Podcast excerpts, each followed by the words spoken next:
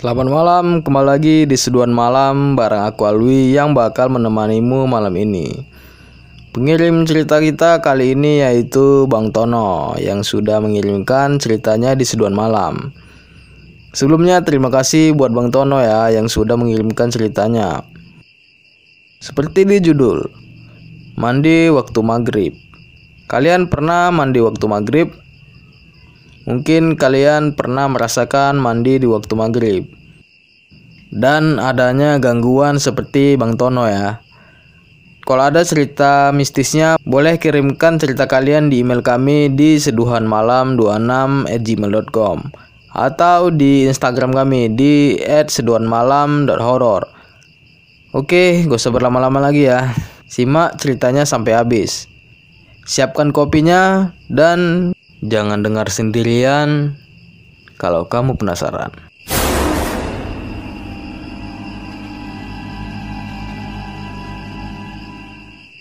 Kalian tahu pamali? Pamali adalah pantangan yang tidak boleh dilakukan.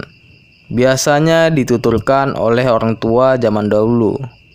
Jika kita melanggar pantangan tersebut, kita akan menerima balasannya. Salah satunya adalah dilihati sosok goib.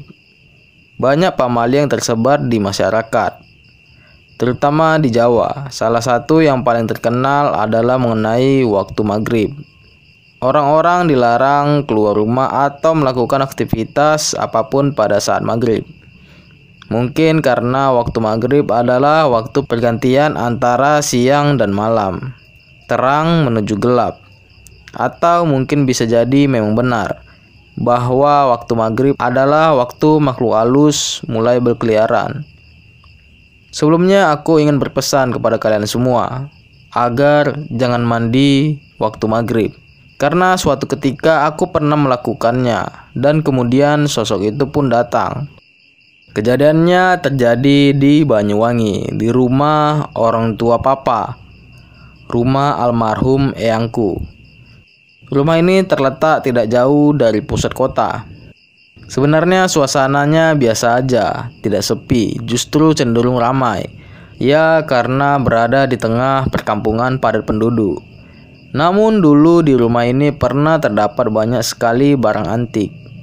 Seperti wayang kulit, keris, kiran butuh, dan pernak-pernik khas Jawa kuno lainnya. Eyangku yang mengoleksi semua itu. BTW, beliau di KTP Islam, tapi pada saat itu lebih cenderung Islam kejawen. Aku tidak tahu apakah ada korelasi antara benda-benda tersebut dengan datangnya makhluk halus. Tapi dulu saat pembangunan lantai atas rumah tersebut sekitar tahun 2003 ada orang ronda keliling kampung yang melihat sosok hitam besar duduk di atas balkon yang belum jadi. Sosok hitam tersebut seperti sedang merokok dan mengeluarkan asap putih tebal, sehingga jalan samping rumahku seakan terselimuti oleh kabut.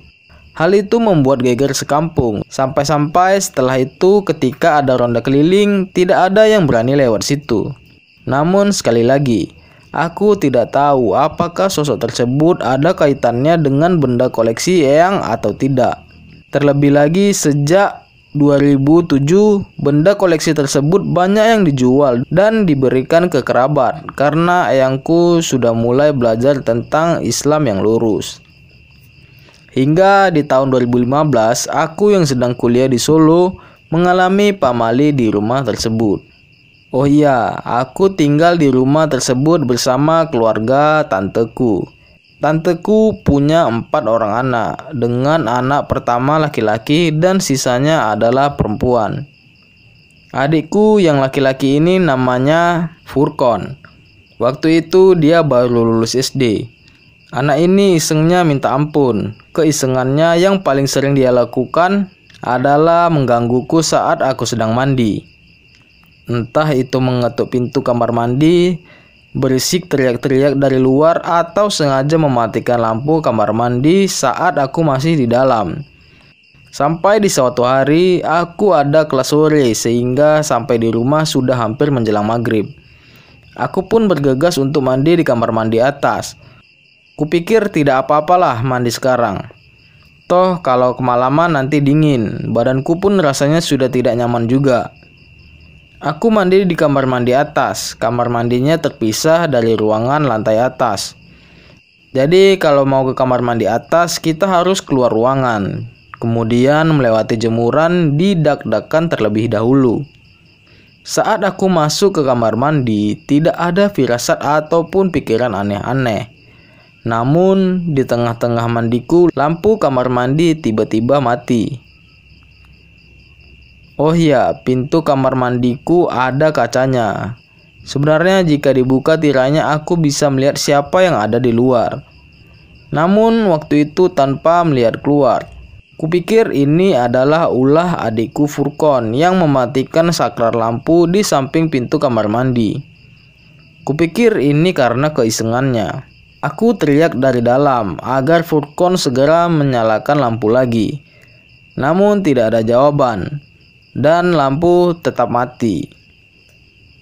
Karena di dalam gelap dan aku tidak nyaman, akhirnya aku memakai handuk dan kemudian keluar untuk menyalakan lampu kamar mandi kembali. Saat aku keluar, keadaan di luar sepi. Tidak ada siapa-siapa, tapi aku belum berpikir bahwa itu adalah gangguan mistis. Aku justru mengira bahwa Furkon setelah mematikan lampu langsung lari sembunyi atau turun ke lantai bawah. Setelah menyalakan lampu, aku kembali masuk dan meneruskan mandiku. Namun selang beberapa menit kemudian, lampu kamar mandiku berkedip, mati nyala, seperti ada yang memainkan saklar lampu di luar. Kalau kalian pernah lihat scene lampu berkedip mati nyala di film horor, Ya kurang lebih seperti itu yang aku alami. Tapi meskipun mati nyala beberapa kali, aku tetap biasa aja dan hanya berteriak menggerutu. Lagi-lagi aku masih berpikir bahwa ini adalah ulah adikku Furkon. Setelah beberapa saat, lampu kembali normal. Aku pun bisa menyelesaikan mandiku dengan tenang. Namun, tepat ketika aku sedang mengenakan bajuku, Tiba-tiba lampu mulai berkedip lagi. Tapi untuk mati nyala yang terakhir ini sangat singkat. Kalau tidak salah hanya dua atau tiga kedipan. Aku pada saat itu sudah terlanjur gemas dan jengkel dengan yang kukira ulah adikku tersebut. Rasanya pengen membalas keisengan adikku itu. Kemudian aku memutuskan mengambil gayung berisi air dengan maksud akan kuguyurkan ke adikku. Namun sebelum balas dendam, aku mengintip melalui kaca pintu kamar mandi untuk memastikan apakah adikku Furkon berada di luar atau tidak. Saat aku mengintip melalui kaca pintu, aku yakin dengan jelas bahwa tepat di depan pintu kamar mandi ada sosok anak kecil yang menyerupai adikku. Rambutnya, bajunya, celananya mirip seperti Furkon. Namun sosok tersebut membelakangi pintu kamar mandi. Aku tidak bisa melihat wajahnya. Kupikir itu pasti si Furkon. Siapa lagi anak kecil laki-laki kalau bukan dia? Tapi ada yang berbeda dari sosok itu. Kulitnya putih pucat, seperti orang kedinginan. Padahal adikku kulitnya agak kecoklatan karena sering panas-panasan. Sosok tersebut seakan mematung menatap lurus ke depan, seakan memandang ke arah genteng rumah. Aneh, aku heran kenapa Furkon kurang kerjaan bengong lihat genteng seperti itu. Tapi aku yang berpikir gemas ingin balas dendam, setelah memastikan bahwa sosok Furkon ada di depan kamar mandi, Aku langsung membuka pintu secara tiba-tiba dan mengguyurkan air tepat ke arah sosok tersebut berada.